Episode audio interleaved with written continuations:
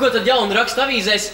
Nekas īpašs, kārtējā politiskā krīze un jā, kāda eleganta slepkavība. Slepkavība! Dodiet šo paklaus! Ko va, es vienkārši dievinu slepkavības! O, jā. Rakstām, ka slepkava esot manieks, Aha. kurš kaut kur Peddingtonā nožņaudzis sievieti, laikam seksuālais manieks. Cik maz detaļu policija meklē cilvēku, kuram mugurā mētelis tumšas krāsas, mīksta filca platmali, gaišs kā plauts. Precīzs apraksts. Piemērots jebkuram. Aha. Nu, bet ja policija meklē šo cilvēku, tad viņš tiek uzskatīts par slepkavu. Nu, Tas ļoti iespējams. Jā, un kā tad sauc nogalināto? Um, Morina. Morina Laina. Jauna, veca? Nav teikts, ziniet, pēc laupīšanas neizskatās. Es jau teicu, seksuālais manieks. Jauns angļu pāris iekārtojas pansiju mantotā īpašumā Berkšīras grāfistē un uzņemtajā pirmos viesus. Pēkšņi sācies sniegputenis, gluži neraksturīgs šim apgabalam Anglijas dienviddaļā, nošķir Monksvelu no ārpasaules un iesprosto tajā visus, kas tur ieradušies. Šādos apstākļos sāk risināties notikumi Agatas Kristi detektīvu drāmā Pēļu slasts. Atskaņotais fragments ir no Valmieras teātra 2009. gada uzveduma Oļģerta Krodera režijā. Savukārt Lūgas pirmizrāde Londonas Vestendā New Ambassadors Theatre notika 1952. gada 25. novembrī. Ne Lūgas autore, ne teātris toreiz nevarēja iedomāties, ka šis iestudējums kļūs par absolūtu ilgspēlēšanas rekordistu, tas joprojām tiek izrādīts un nu jau piedzīvojis vairāk nekā 28 tūkstošus izrāžu.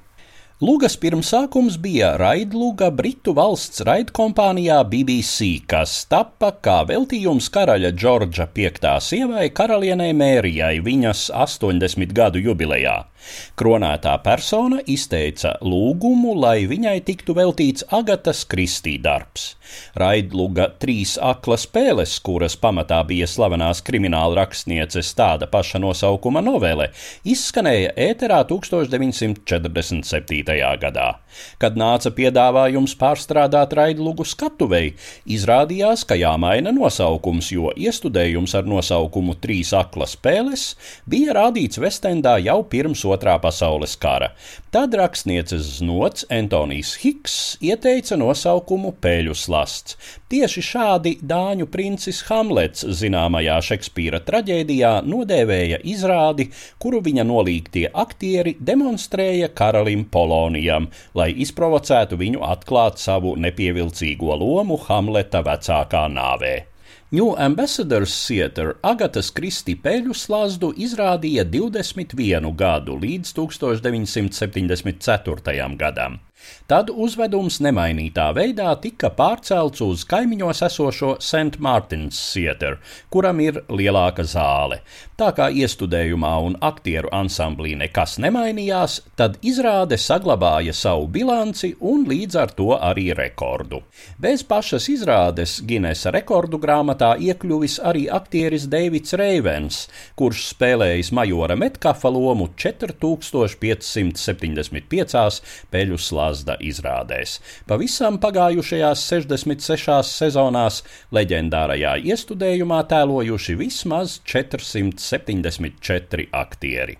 Kas gan ir šīs izrādes fenomenālās ilgmūžības pamatā?